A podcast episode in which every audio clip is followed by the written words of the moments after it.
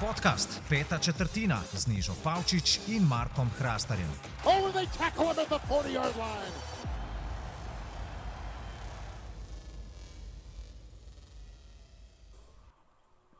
Poslušalke in poslušalci, pozdravljeni v prvi epizodi podcasta Peta četrtina v novem letu 2021. Če se je kaj veliko spremenilo, ja, prnes se ni, ker še vedno je z vami klasična trojka, Neža Pavčič je moje ime, na drugi strani Zoom, koronske linije sta pa Marko Hrastar in Rov Gregorič, živijo fanta. Živijo. Živijo, živijo. Kako sta? Že je, bi se. A moramo. Kaj da ne veš, be. za nas smo. Oba sva, oba sva na COVID-19 listi. Out, ne lih out for the season, ampak malo pa sva out. No, vsaj, za, vsaj za 17 week sva bila out, pa verjetno tudi oba za wildcard round. V bistvu deliva usodo z uh, Kansas City Chiefs, ne, ki so zadnji krok tankirali, bojo počivali tudi v, v prvi rundi končnice, ampak to pač doleti tiste, ki so najboljši v ligi. Ne. Uf, humble. a? Ja, ma humble brag. Bolj sem vaju hodila vprašati tako- to, da pojasnite, zakaj vaju ni bilo, če so vaju mogoče vaši vajni zvesti fani ali pa poslušalci pogrešali, kje sta bila, ker nista komentirala. Jaz osebno sem vaju zelo pogrešala, ker ne glede na to, da gledam dve tekmi na ameriškem komentatorju, imam še vedno va, ja, vaju zmeri pržgana. Da Oh, to, to, to je pa lepo slišati. To je pa lepo slišati od, od dolgoletne uh, gledalke in poslušalke in, in podcasterke NFL-a. You're welcome. Kje bomo začeli tole novo leto, kar se tiče pete četrtine? Jaz mislim, da je najbolj, da začnemo pri spremembah, tako kot vsako leto pač rečemo, da se bo pa letos nekaj res spremenil. Ja, šest ekip v Ligi NFL bo nekaj spremenilo in v tem primeru je to glavni trener. Zdaj imamo šest ekip, zdaj smo dobili še tri, če se ne motim, danes, ne Jacksonville, LA Chargers in pa New York Jets, odprej so še Houston, Atlanta in pa Detroit. Mogoče vajen, vajen komentar tega, da so se pri še treh ekipah odločili za to, da bojo v novo sezono šli z novimi trenerji. Rok, daj ti prvi. Meni se zdi tako, da so prosta mesta, trenerska, zelo zanimivo razporejena. Na eni strani imaš, uh, na, recimo, najbolj pozitivni strani spektra, imaš Jacksonville, ki imajo daleč največ cap space na voljo, imajo 81 milijonov, imajo 11 uh, izborov na prihajajočem naboru, na drugi strani spektra imaš Houston, kjer si 16 milijonov v minusu, uh, prvi pik, ki ga boš imel, je v tretjem krogu, uh, imaš pa Dešona Watsona. Tako da pač je, bo res zanimivo, kdo bo šel kam, ker nimaš lih v, na vseh mestih uh, enakega začetka.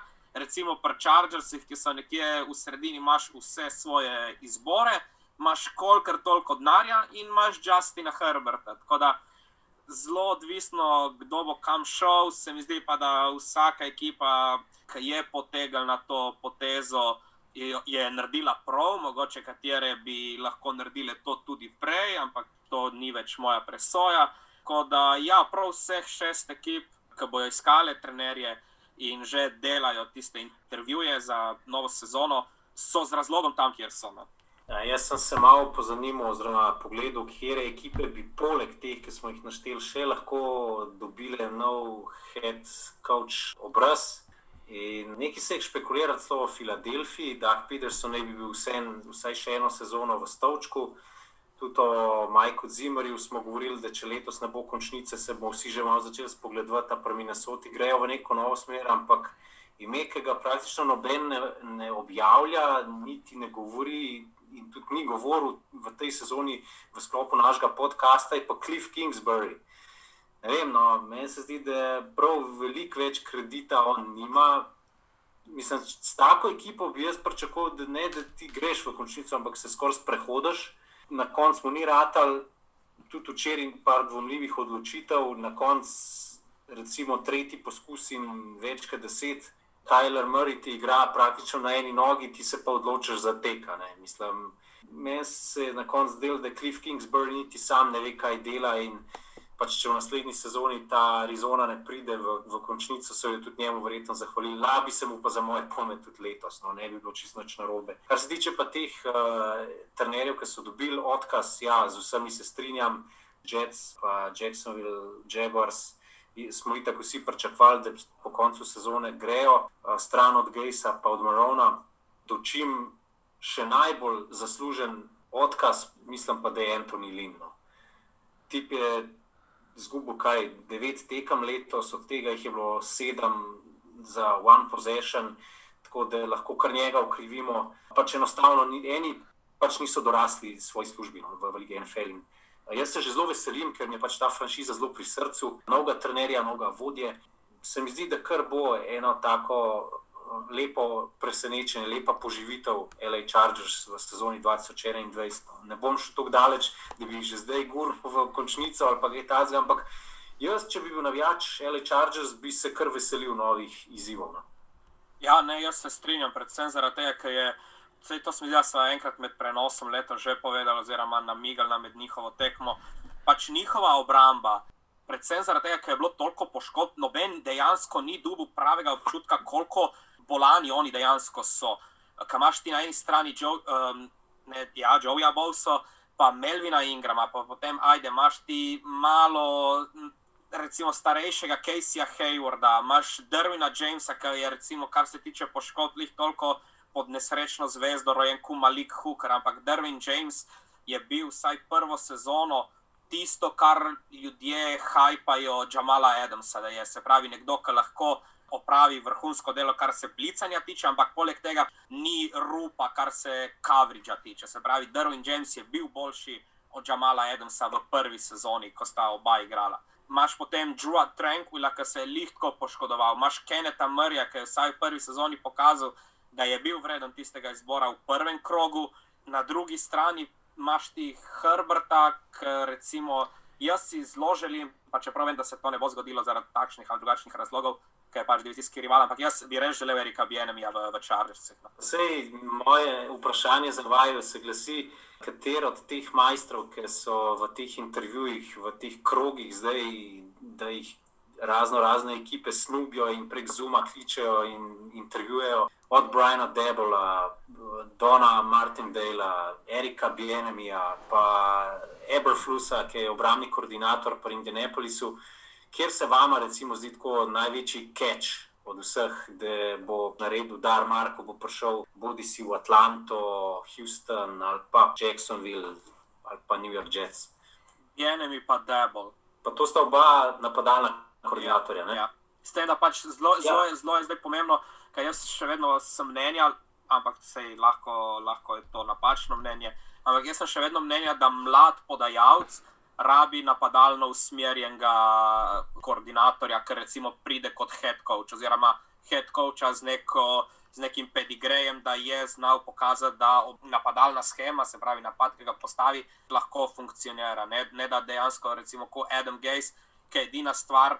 Ki je imel na svojem rezumeju, je bilo to, da je v napadu, v katerem je bil kaj, Peyton Manning, Emmanuel Sanders, uh, Demarius Thomas, kdo je še bil, je bil Erik Decker takrat. Je, ja. Uh, ja, da je takrat v Denverju naredil tisti naj, najbolj bolan napad, ki je imel, kaj meni, več kot 5000 jardov. Mislim, to lahko tudi ti sam sestaviš na mednu, če imaš prave stvari. Moraš imeti nekoga kot kandidata za glavnega trenerja, ne samo, ki ima neko zgodovino, ampak dejansko nekdo, ki bo iz personela znal potegniti največ. Eden Gates je imel problem isto v Miami in isto v New Yorku, ki je počel ene in iste stvari, probaš prisiliti ne vem, trikotnik skozi luknjo za, za kvadrat in pač ne gre vedno to skozi. Ne? Jaz se drugače strinjam s tabo, rok, bi pa mogoče še dva dodala, glede na to, da glih vidim, da Adam Schefter tvita, da, vse, da je vseh šest ekip, ki ima odprto pozicijo za glavnega trenerja, so v bistvu zahtevali oziroma prosile dovoljenje, da intervjuvajo napadalnega koordinatorja Titansov, Arturja Smitha. Um, on zna biti tak nek hidden gem, Um, jaz bi pa še enega dala, sicer je obrambno usmerjen, ampak se mi zdi, da bo Robert Celah letos dobil head coaching job. To je obrambni koordinator San Francisca. San Francisco. ja.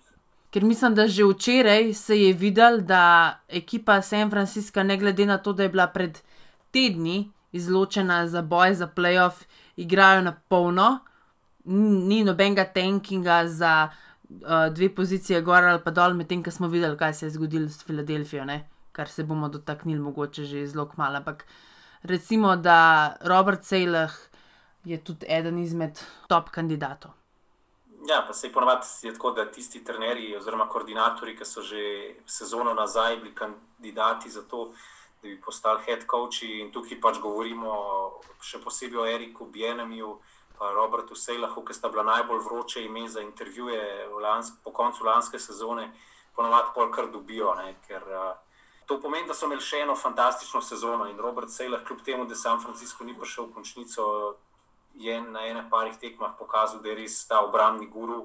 Za Erika Bienemija pa sploh nima več dodatnih presežkov oziroma besed, ki bi opisali, kako čudovite stvari dela s uh, Mahomesom, pa Hillom, pa ostalimi fanti. Dajmo se kar na ta tanking uh, spraviti. No. Filadelfija, Filadelfija je ubacila Neita Sadfelda v zadnji četrtini in dovolila Washingtonu, da do konca opravi svoje delo, pride v končnico. Uh, Zdaj bi pa jaz uporabil ob tej priložnosti slovite besede trenerja Jetsa, Hrma Edwardsa: You play to win the game.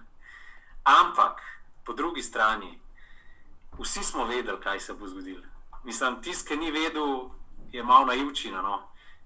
Jaz nekako sem imel občutek, da tudi če bo Gustakis na koncu uh, Washington, Filadelfija, da nekako bo Washington na silo zgural do zmage in prišel v končnico. Usul se je plas kritik čez uh, Filadelfijo in Daga Pedersna, še posebej strani navijačev in pa igralcev New York Giants. Ampak, lej, dej, dejmo biti malo realni. No.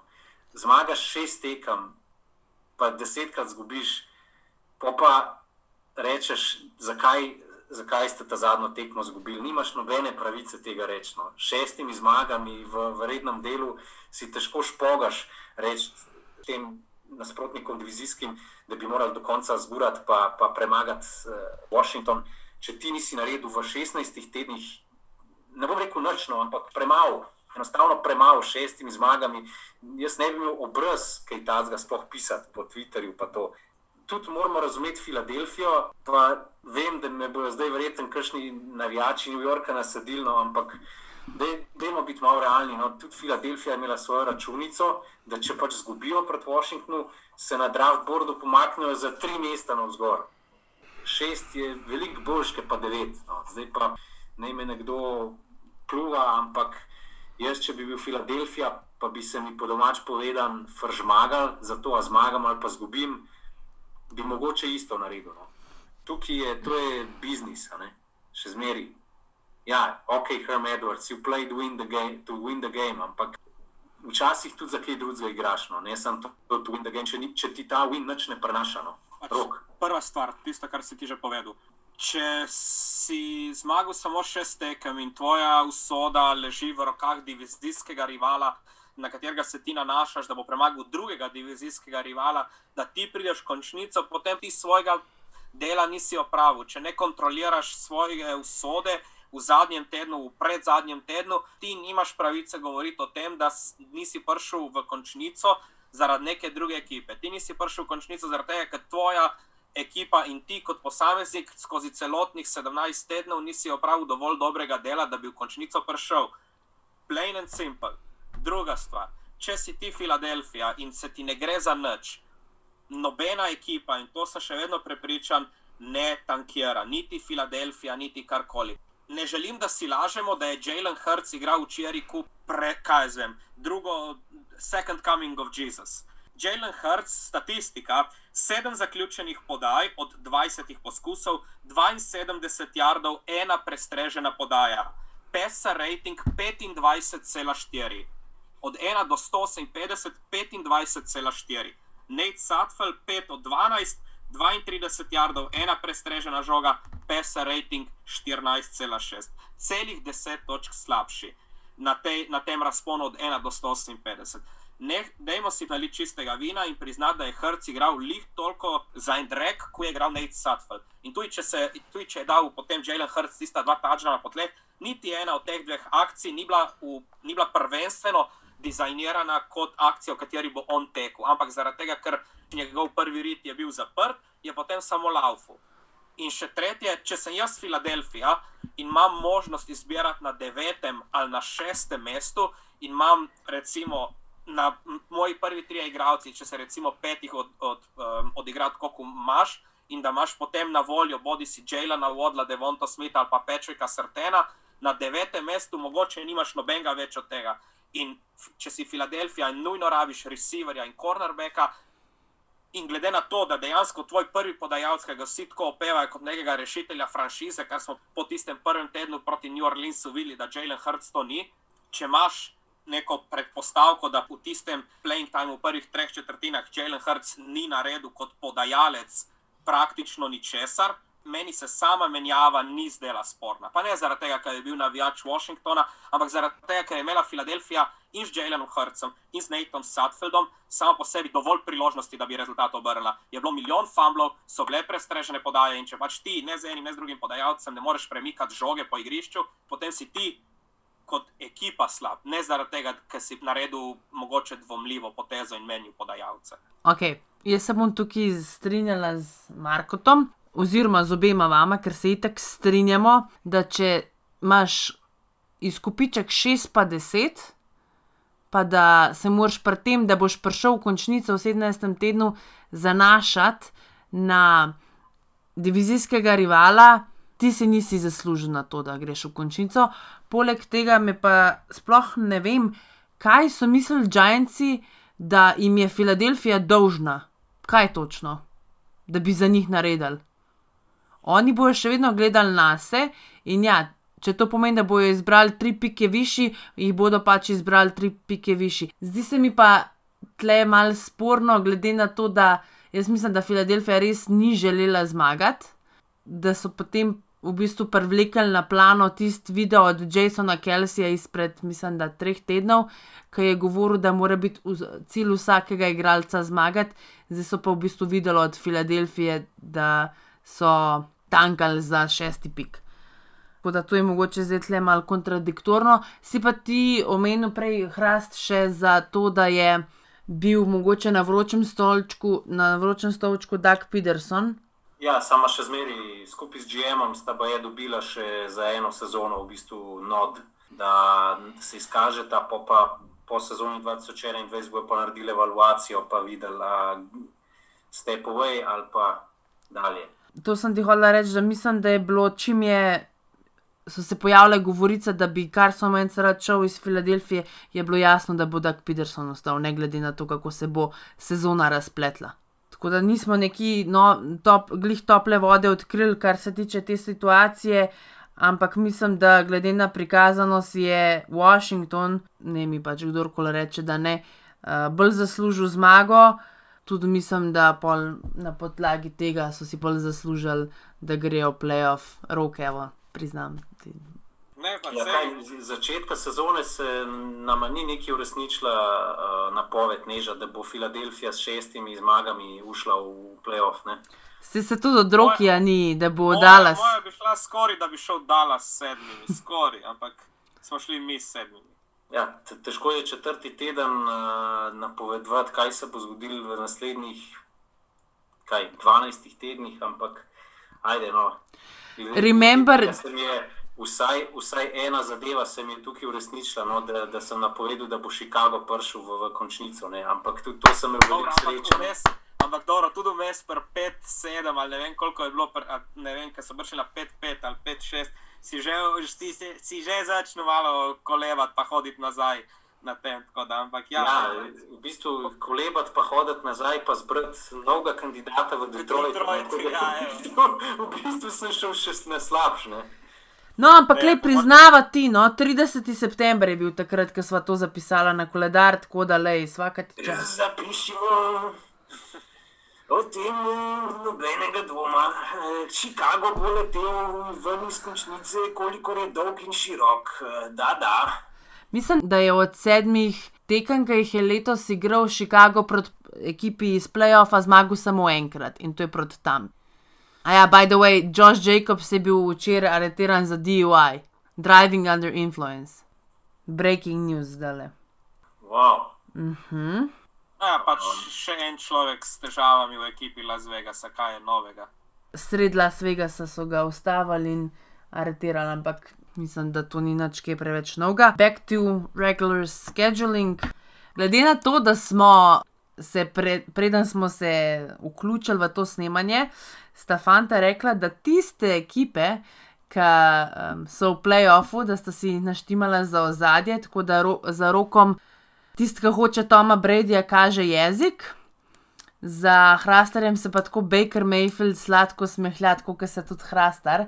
Tako da bomo zdaj šli naprej na to, da je Cleveland po 18 letih v končnici in Hrastarju se zdaj že približno, ja, 24 urno, tako sladko smeje. Marko. Ja, točno 24 ur mineva zdaj, ko to govorimo od uh, zgodovinske uvrstitve Clevelanda v končnico po 18 letih. Ampak kar je še bolj pomemben, po 28, uh, mislim, ja, po 18 letih in po 28 različnih quarterbackih. Uh, Baker Mayfield je od Tima Kauča, ki je mislim, da zadnji quarterback, ki je Cleveland popeljal v končnico, pač 28 ime. In uh, ne vem, če sta videla, sicer, ker sem to retvital, ampak še preden je bil izbran na naboru 2018, je Baker Mayfield na vprašanje, kaj bi pa recimo naredil, če bi prišel v Cleveland. Kaj, kakšno je tvoje sporočilo navijačem Clevelanda, če bi slučajno te oni izbrali? Je rekel, pa ta franšiza sploh ni tako daleč od uspeha. No. Mačka jim še manjka, kakšen dober draft, ene par potez, par mačka sreče.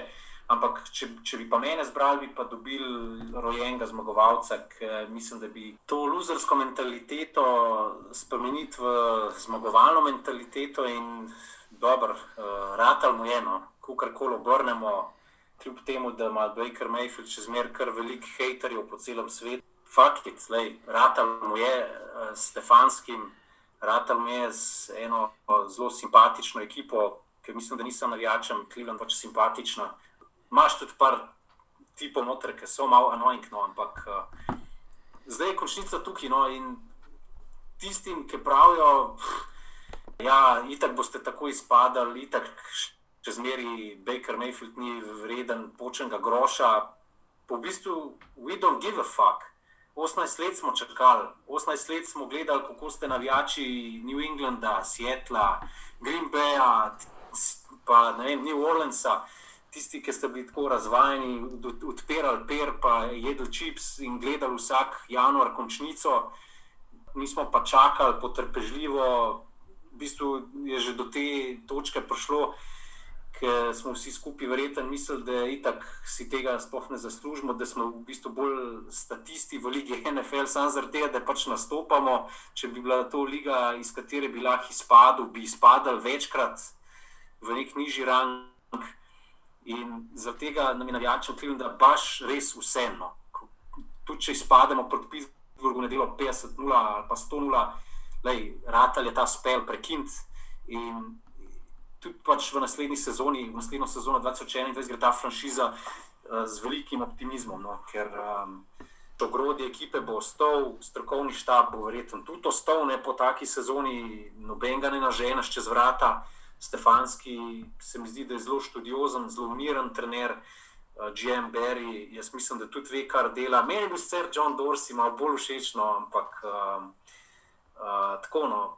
Je lepo biti navijač Cleveland Browns, končno, no, po dolgem, dolgem času. No. Sam bom rekel, da spremljam Ligo NFL malo bolj podrobno, deset let, zelo, zelo podrobno, zaradi komentatorskega posla zadnjih pet let, se je splačal čakati, no, ker verjamem, da je ogromno navijačev tudi se stop z tega bandwagona, ki si kar sledijo sezone 2014, 4-12, 1-15, nič 16 in tako naprej. Ne.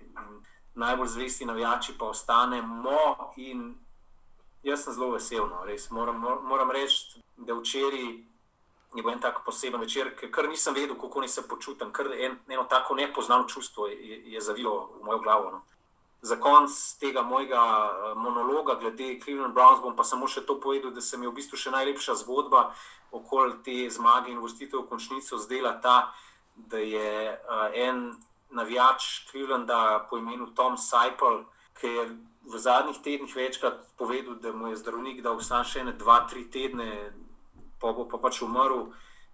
Je bil na tekmi, no, prav na First Energy Stadiumu in tudi z ženo, oziroma z ročenko Bakerja Mayfielda, Emily, se je skupaj slikal, pa snemal, v bistvu se je z Bakerjem slišal prek telefona in je bil en tak res lep moment. No. Tako da zavidam vsem tistim 12 tisoč gledalcem, ki so bili včeraj na First Energy Stadiumu, ki je tudi po koncu srečanja s Steelers, je DJ spustil tisto jump around in se je Folko pa je čist strgalo. Tako da, go Browns! Rok Kima. Ne, zaradi tega, ker se mi zdijo Brownsi ena zelo simpatična zgodba, predvsem zaradi tega, ker so kot navijaška baza in kar se tiče bejzbola in kar se tiče košarke, toliko cajta trpeli za neko, za neko uspešnostjo, oziroma neuspešnostjo, bolje rečeno, in potem je tam James pripeljal, pa kaj bejzbol so. Dva sedma izgubili proti Cubsom. No, evo, to, to. Nis, nisem vedel, ali je bilo 2017 ali je bilo 2018. No. Sicer se mi je zdelo, da bi mogli, glede na talent, ki ga je imela ekipa že lani, med tisto sezono, ki so jo imeli, mislim, ko, sezono, ko so jo imeli letos, ampak je bila pač potem tista uh, še zadnja prepreka do neke obljubljene države, kar naj bi bila končnica. Glavni trener in zdaj imajo še to poštimano, tako da draftati so pokazali, da znajo pač res dobro.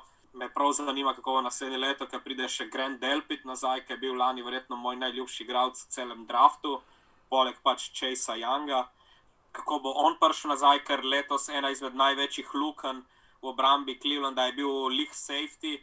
In če bo potem lahko na strong safety igral Karl Joseph, ki je pokazal, da je, če je recimo veteran, da lahko igra, da ni, da ni sploh noben minus, da je prej plus, in da potem ti imaš na free safety Granta Delpita, pa da bi se končno Greedy Williams poštimu, pa nehal biti poškodovan na sto in en način.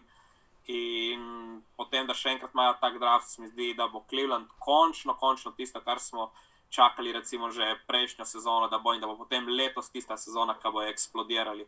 Ampak ja, sem jih tako vesel za Cleveland, kot sem za Washington. No. Jaz sem za oba vaju vesela. To je zdaj bolj, sicer, bolj tisto pokroviteljsko, kot no ja, se moja ekipa ni prišla v končnico, malo, tako, malo kislo grozdje. Ja, sej, glede na to, da je rok izrazil klele tudi majhen slavospev v Clevelandu, bom pa jaz še za Washington povedal, da mi je predvsem zaradi Alexa Smitha zelo všeč. Ne. Če ne zaradi dru drugih fantov, pa res zaradi, bom rekel, kar comeback playerja of the year. Alex Smith, če kdo si je to zaslužil, si je on in mu prvoščam ne samo to, da je prišel zdaj v končnico uh, s uh, klubom brez imena, zaenkrat še ne bom imel nič proti, če tudi v končnici kakšno zmagajo. No? Tako da um, sem se pa danes v bistvu ujel v razmišljanju za tebe, Neža, če zdaj, ki pač New Englanda ni v playoffu, pa glede na to, da je eden izmed tvojih najljubših igralcev, če ne celo najljubši v lige NFL odšel na jug v Tampo, to pomeni, da letos uh, si moraš ne, neko ekipo, s katero simpatiziraš, izbrati na novo ne, v playoffu. A je to zdaj Tampa ali mogoče Green Bay bo šla po stopinjah svojega očeta in navijala za Rodgersa? A lahko navijač Brady navija za Rodgersa? Vse to je vprašanje, pač, za katero ekipo bo Neža zdaj stiskala pesti, glede na to, da New England ne igra v playoffu. Ne? Sem povedala že v zadnjem podkastu, da bom skočila na bandwagon Packersov. A, Ja, tak sem bil jaz edini, ki je Packers se napovedal v, v Super Bowlu od nas treh. ja, si, ja, Packers je sedel, pa Packers New England sedel. Ja. Jaz sem dala Kansas, Dallas, Dal- o moj bog, rok pa pa, pa Kansas. edini alive. Obojno, ja, Kansas, Kansas Seattle. Ampak mislim, da od nobenega ne bo prav in jih bomo morali popraviti še enkrat v breketu. Na koncu bo od jaz tako edini prej- prav, veš. ker smo se mu tako režali pred sezono, ko spet je ta hrast bolj, kva mu ni jasen. a? Ja, lej, jaz bom, jaz bom če, če mi boš rekel, da imam deadline do sreda ali pa četrtka, ti bom, jaz ti bom najkasneje možno poslal, zaradi tega, ker čakam na injury reporte. No. Dajmo se zmeniti do srede, sreda bo ta podcast objavljen, pa da v četrtek fuknemo gor tele. Brekete, Zoki Radisavljevič mi ga je že poslal, um, ne bom vam nič povedala, oziroma ne bom poslušalcem nič povedala, kakšen je, ampak me je presenetil in ne, ni, ta, ni dal tampe v finale, daleč od tega. Jaz sem ta breket od Zorana Radisavljeviča že videl, no, pa mm, tako bom rekel, no, Mr. Obvious. Ok, pustimo do četrtka, prav? Ja, okay. važi. Kaj je zdaj naslednja stvar na naši agendi? Na agendi, dajmo še malo AFC pogledati. Jaz mislim, da je bilo kar obvious, kdo od teh ekip, ki so se borile za končnico, bo izpadel. Ne Vem, meni je bilo to jasno, da bo Miami, glede na to, da je imel Buffalo tudi motiv na drugi strani, da se bo boril za drugo mesto, Bilsi so jih dobesedno razbili. Miami, medtem ko so bili tenisi nekako na tanki liniji, ne? ampak vsem bi prišli naprej. Tako da me zanima vajeno mnenje, ok, Brown smo že povedali, ampak za ostale tri tekme. Jaz sem roko rekel, da je uh, gospod Dič Gregorič. Eno presenečenje se bo zgodilo na tekmah ali Indianapolis, Jacksonville, ali Tennessee, Houston, ali pa Baltimore, Cincinnati. Na koncu ni niti eno presenečenje pač uresničilo, ampak je pa dejansko Houston bil dokaj blizu ne? in uh, Sam Sloman je v zadnjih sekundah zadev prosti strel iz malo več kot 40 jardov z doinkom se pravi, od vratnice na, na noter. Me pa zanima, zakaj Gostkavski tukaj ni igral. A, a je on out for the season ali je sam za to tekmo odsedel? A nima korone on? A, Mislim, da ima. vedel. Mislim, da ima, nisem čizih, mislim, da ima. Meni se ni zdelo to tako logično, da bo Miami izpadel. No? Zaradi tega, ker pač komod bi se zgodil, da bi ali Tennessee ali pa Indianapolis, vsaj po mojem mnenju, izgubil. Uh, ker Jacksonville si je že zagotovil prvi pik na draftu in so pač igrali lahko sproščeno. Houston smo pa videli, kakšen govor je imel J.J. Watt na koncu prejšnjega tedna, da se pač igra res zato, da se zmaga. Ne? O tem, kar smo že prej govorili. En zelo tak inspirativen govor, no? ki tistim poslušalcem, pa poslušalkam, ki ga niste še videli, priporočam, da si ga zavrtite. No? Ja, jaz sem šel potem kontra tebi, pa ohranil vse tri originalne napovedi, se pravi, da ne bo presenečenja. Sem pa ga pol po kronu drugje, tako da recimo suma sumarum, da, da sem tu jaz naredil tiste svoje napake pri napovedih. Ampak eh, ja, kar se tiče kolcev, jim je bilo meni pač nekako jasno, da so premočni, da, da bi jih Jaguarsi kljub vsej svoji sproščenosti lahko premagali. Nisem pričakoval iskreno, da bo Houston držal toliko cajta izenačeno tekmo vse do konca in predvsem na to, da bojo oni igrali do konca. In tles je Dešon Watson v bistvu še malo kupu recimo nekih glasov, če bi, bilo, če bi imeli tekmovanje, kdo bo naslednji veliki talent, ki ga bo franšiza pustila na cedilu. Ne, za Buffalo mi je bilo isto, predvsem zaradi tega, ker če ti igraš proti sedmo uvrščenemu ali pa proti pač šesto uvrščenemu, odvisno se ne točno, kako so šle tiste permutacije za Buffalo, da bi bili drugi ali tretji, no, kakorkoli, ampak itak so potem zgubili, je izgubil Pittsburgh z vami. Tako da edina neka varka, oziroma kar bi lahko bilo, je to, da bi pri Buffalo kalkulirali pa govorili, da Steelersi igrajo brez Big Bena, bojo neki, itak ne bojo zmagali, lahko tu in mi malo odigramo na 50 post, ampak pač Buffalo tega ni naredil, je odigral profesionalno. Josh Allen je imel še enkrat pač nevrjetno tekmo, postavil vse možne rekorde za franšizo Buffalo se ustoličil kot tretji najboljši quarterback letošnje sezone. Mislim, napredek, ki ga je on pokazal v svoji tretji sezoni, je nekaj, kar bodo lahko podajalci podobnega profila imeli kot nek as iz rokava, če se jih bojo franšize hotele odpovedati po dveh sezonah, zaradi tega, ker je veliko takih fantov, ki imajo bazuko za roko, ampak jih natančnost um, pušča na cedilu. In Josh Allen je šel iz druge v tretje ligo, eh, lige, iz druge v tretje leto in naredil plus 10% uspešnosti zaključenih podaj. In to se pokaže, kaj pomeni delo v off-seasonu, kaj pomeni, da si pripravljen poslušati, spremeniti mehaniko izmeta, uh, gibanje v žepu. Um, pač kapo dol, kar je on naredil, sem bil eden izmed njegovih največjih kritikov, kar se tega tiče. Ampak ja, res je pokazal, da, da je nekdo, ki bo, da bo zaradi njega Buffalo lahko še kakšno sezono, dve, zaradi tega, ker je njegov ruki del še toliko traja, da bo lahko gradili ekipo okoli njegove ruki pogodbe. In potem, ko bo, bo treba njega plačati, bo pa i tako ekipa že na mestu, ki bo konkurenčna ne samo za KSM divizijo, ampak pač za Super Bowl. To sta videla od Dešona Watsona, ki je imel največ jardo nabranih od vseh quarterbackov v tej sezoni, pol najvišji odstotek zaključenih podaj, če se ne motim, letos tam prke 70 posto. QB rating, oziroma PSR rating, je imel tudi vem, dovolj za drugo mesto v celi ligi, njegova ekipa je pa 4-12.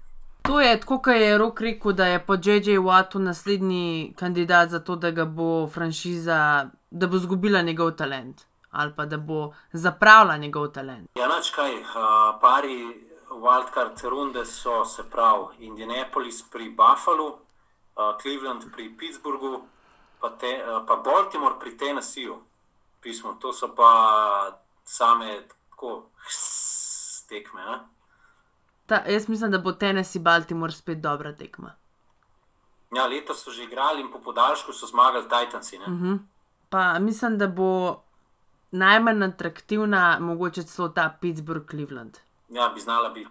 Ker mislim, da tudi slišala sem se danes z nekaterimi, zdaj sem tak, zdaj sem tak šefter moment, persors.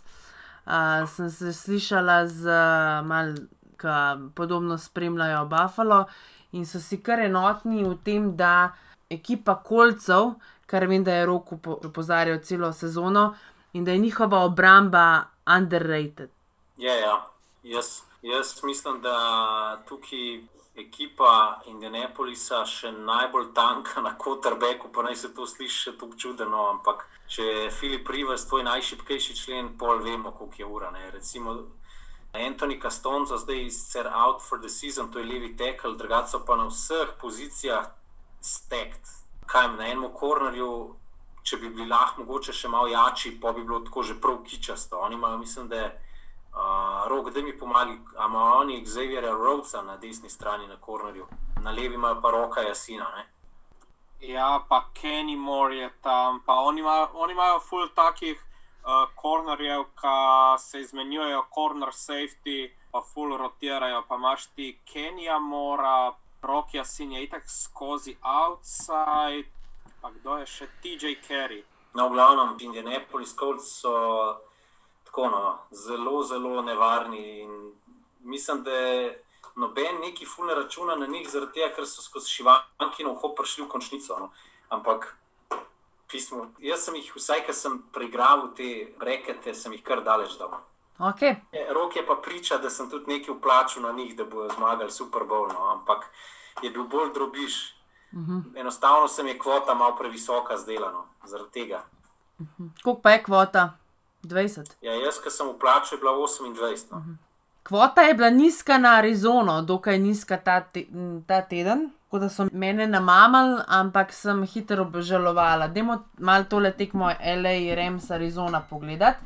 Sicer je prej Marko že rekel, da klifa, da bi skenslal, glede na to, da se mu ni uspel uvrstiti v končnico. Jaz sicer ne bi šla tako daleč, glede na to, da smo rekli, da bo ta sezona od Arizone lahko full dobra ali pa full slaba, bila je nekje vmes. Jaz pa mislim, da so imeli tudi malo nesreče, da se je Kajler že v bistvu praktično na prvi posesti ali na drugi poškodoval do te mere, da je mogel iti v garderobo, pa je pol prišel nazaj, pa ga je dal igrati v bistvu z eno nogo, je šel spet v garderobo in pol je bilo sam še nizbrdo za Arizono.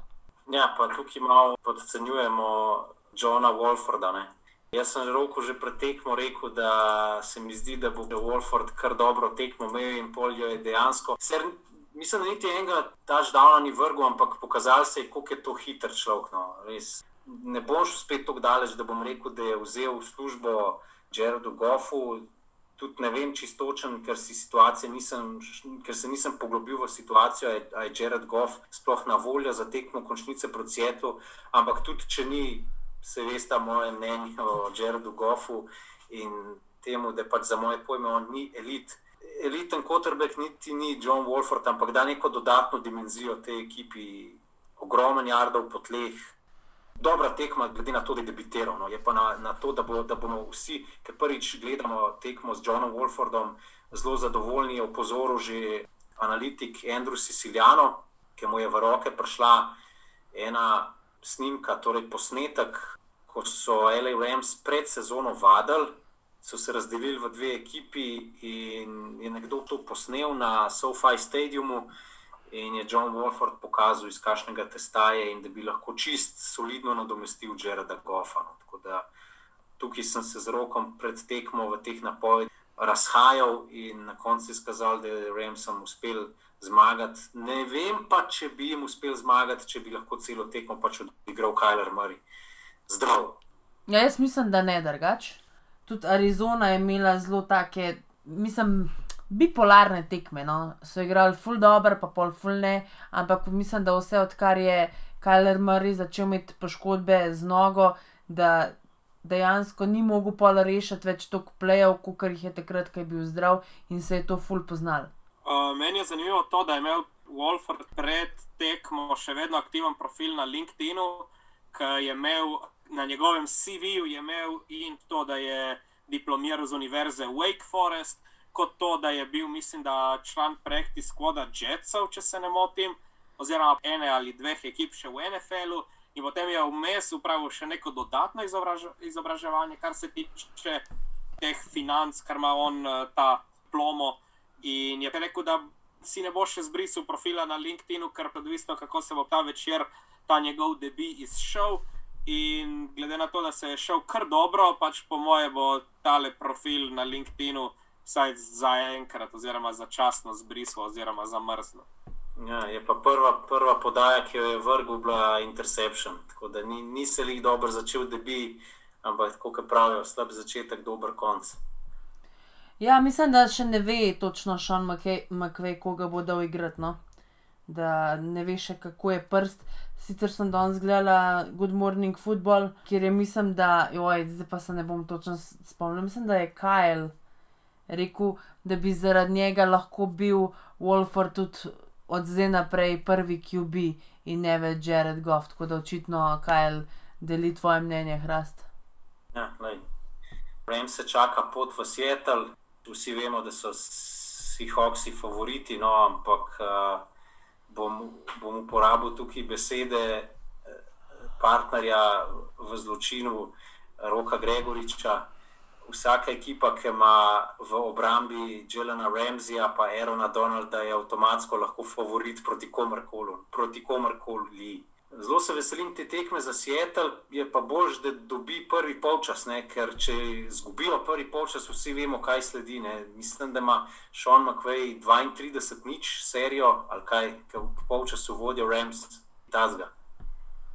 Možno, lahko to sicer po mojem ne pomeni prav nič ampak to je nek tet, ki je lahko, lahko bo pa 32, ena pa bo recimo Seattle zgubo. Ampak recimo, da imaš nek, da mu govori statistika opritno. Ja, v NFC-ju je pa zdaj jasno, kam bo, torej jasno je, kako bo v NFC-ju vodila pot do Tampe in to je čez Green Bay, kar je po mojem mnenju čist absolutno zasluženo. In tudi mislim, da da bo Aaron Rodgers postal MVP. Ja, čudno bi bilo, če ne bo postal MVP. Ne. Um, imel je izjemne sodelavce, tudi ki so mu pri tem pomagali. Meni še najbolj zanimiv statistični podatek je pa to, ob vsem skupaj, da je imel Aaron Rodgers letos več podaj za touchdown, kot je ekipa Green Bay imela pantov ali nekaj tasga, uh -huh. mislim, bolano. 46 touchdown podaj. Mislim, da 48. Ja, no, pa 42 pantov. Pa 48 podaj za touchdown, pa 46 pantov. Ja. Devante Adams je pa potovku rekord franšize in kaj 16 podaj za touchdown ujel. In tako kot je rekla Neža že prejšnjič, ki smo se menili, ali je to mogoče celo rok, si to ti rekel med prenosom, da je Davante Adams edini, ki ga je Aaron Rodgers nekako postavil ob bok Charlesu Woodsonu. Ja, ki je rekel, da najboljši igralec, s katerim koli je on bil del ekipe, da je Charles Woodson, ampak da počasi bo treba v isto kategorijo postaviti Davante Adamsa da če on to reče, pol je to treba vzeti za res. Ne? Dajte mi povedati vajno mnenje, kakšna je glavna razlika med Aaronom Rodgersom oziroma Green Bay Packersi lani, ki smo jih v bistvu vsi dajali v nič, kljub temu, da so bili tudi z več kot desetimi zmagami po rednem delu, ampak smo vsi vedeli, da je v končnici in bo slej, ko prej nekdo prekrižil račune. Pa Green Bayem letos, ki je absolutni zmagovalec konference NFC z MVP-jem na čelu, z eno leto bolj izkušenim Metom Lafleurjem. Zakaj imamo letos vsi občutek, da bo presenečenje, če Green Bay ne pride v Tampo, lani pa tega ni bilo? Da je neža, da je ti. Mislim, da ravno zaradi tega, ker smo se že pogovarjali, ker tudi napad zgleda veliko bolj. Jaz sicer mislim, da je obramba malo slabša kot lani, ampak da, da je Aaron Rodgers v taki formi skupaj z Davantejem Adamsom, pa tudi recimo Backfield je boljši, kot je bil lani, da lahko nadoknadijo več, kot so skupaj sestavili, vem, lani, proti, um, lani v playoffu. Tako da nekako to, da je Aaron spet tisti MVP Aaron in da imaš nekakšen feeling, da te bo vedno izvlekel iz dreka ali pa iz zaostanka. Pa tudi samozavestni so, pekarsi, full. Ja, en bolj kot drug. Ja. Tako da to po mojem. No? Ja, veš, če se še nismo omenili, Cam Newton pa New England. A, a ostaja ali ne ostaja? Pa je, da zdaj, kot sem videl, govorice odhaja v naslednji sezoni nekam drugam. Kot je rekel Šefter, oziroma kot se je poročal prejšnji teden, naj bi bilo to samo one, one year marriage med Kemom in med Peci, in da se bo Kem odločil, pač, oziroma da se tudi Peci ne bo odločil za to podaljšanje. Je pa tle vprašanje, zdaj, kaj čaka in Pece in Kema. Mislim, da je za Kema večje vprašanje, ker se spomnite, ta week two Seattle smo mislili, da je wow, da je Kem back, da so Peci lahko full samozavestni, kako so igrali, da off, ok, tukaj smo nobenega problema, pa se je potem po tisti tekmi s Kansasom in Denverjem vse zelo hitro spreobrnili. Tako da jaz mislim, da se mora tudi Cam Newton res močno vprašati, kaj si želi od svoje kariere. Problem ima z ramo, problem ima z nogo, torej stopalom. Prvi podajalec ne vem, če bo v ligi in se mora odločiti, ali bi bil kot del paketa nekega kjer bi mogoče bil rezerva, pa bi tudi imel večjo vlogo pri igri po tleh, mora se odločiti, kaj bo svojo kariero. To je moje mnenje. No. Da ne bo samo umevno, da bo pa Cam Newton v neki drugi ekipi starting quarterback. Rok? Ja. Meni se zdi, da smo zdaj v situaciji, v kateri smo mislili, da smo bili lansko leto, da bomo lahko, oziroma da si vsaj upamo napovedati, kaj bo v nasled, nas, naslednjem letu, kar se tiče podajalca v New Englandu. Zdaj vsi vemo, da Kema Newtona ne bo nazaj, da se nek poskus, da bi se ga vrnila na neka stara zmagovalna pota. Da bi Cam Newton spet bil, recimo, 80% tistega MVP-ja, uh, ni šel. In glede na to, da je New England kar malo v zagati, kar se tiče cap space, po moje je najboljša in najcenejša opcija, predvsem da začnejo graditi na draftu in da pa draftu vzamejo nekega mladega podajalca, postavijo spet neko mlado, prerojeno obrambo, ki je nosila tudi takrat, ko recimo tomu ni šlo najbolj in se pravi, da nekega mladega podajalca v bistvu um, izoblikuješ v tisto, kar misliš, da bi lahko nadomestilo Toma Bradyja, ker pač Kem Newton to ni. No. Marko. Težko da karkoli dodam, no. realno. Uh, Ko sem uspel spremljati, se mi zdaj zdi pa res skoraj že 100%, da bo New England krenil v novo sezono z uh, nekim novim quarterbackom, ki ne bo niti Jel Stidham, niti nekdo, ki ga bi draftal. Draftal bojo verjetno quarterbacka, vsaj v kasnejših rundah po New Englandu, ampak se mi zdi, da bo kar tako, tako občutek, da bo nek veteran, ki je bil zdaj leta in leta v neki drugi ekipi pristal od taktirko Bila Belčika ne vem, zdaj upam, ker situacij ne poznam, koliko je sploh šans, da se to zgodi, ampak kakšen med Stafford pa med Ryan bi čist pasu, po moje, v, v, v to schemo. Zdaj pa. Tle je problem, ker, kot sem rekel, New England ima in toliko problemov s Capspaceom in oba veterana masta še neki denarja, ki jim franšiza dolguje in zaradi tega je problem, ker ja, sigurno bi tudi bil Imel najrajši enega veterana, ki ga ne bi rabil učiti, ki ve, da šteka stvari, da zna brati obrambe in da ne bi rabil skozi cel ta proces z nekim mladim podajalcem. Nima pa New England toliko nek neke fleksibilnosti finančne, da bi si lahko to prvoščil. Tudi recimo, kar še Carson Wentz ali pa ne vem karkoli, to je igralec, ki ima 28 milijonov še, da mu da ekipa in New England se nima prostora igračkati s tako pogodbo tistega kotrbeka, ki ga bodo prepeljali, ga bodo prepeljali. Opcija je na vse zadnje tudi Dak Preskot, zakaj pa ne. Ali pa mogoče kaj so jim Filip Rivers, tako čist na glas razmišljam. No. Je pa najbolj pomemben, kaj bo pred njima. Napadalna linija, pa obramba.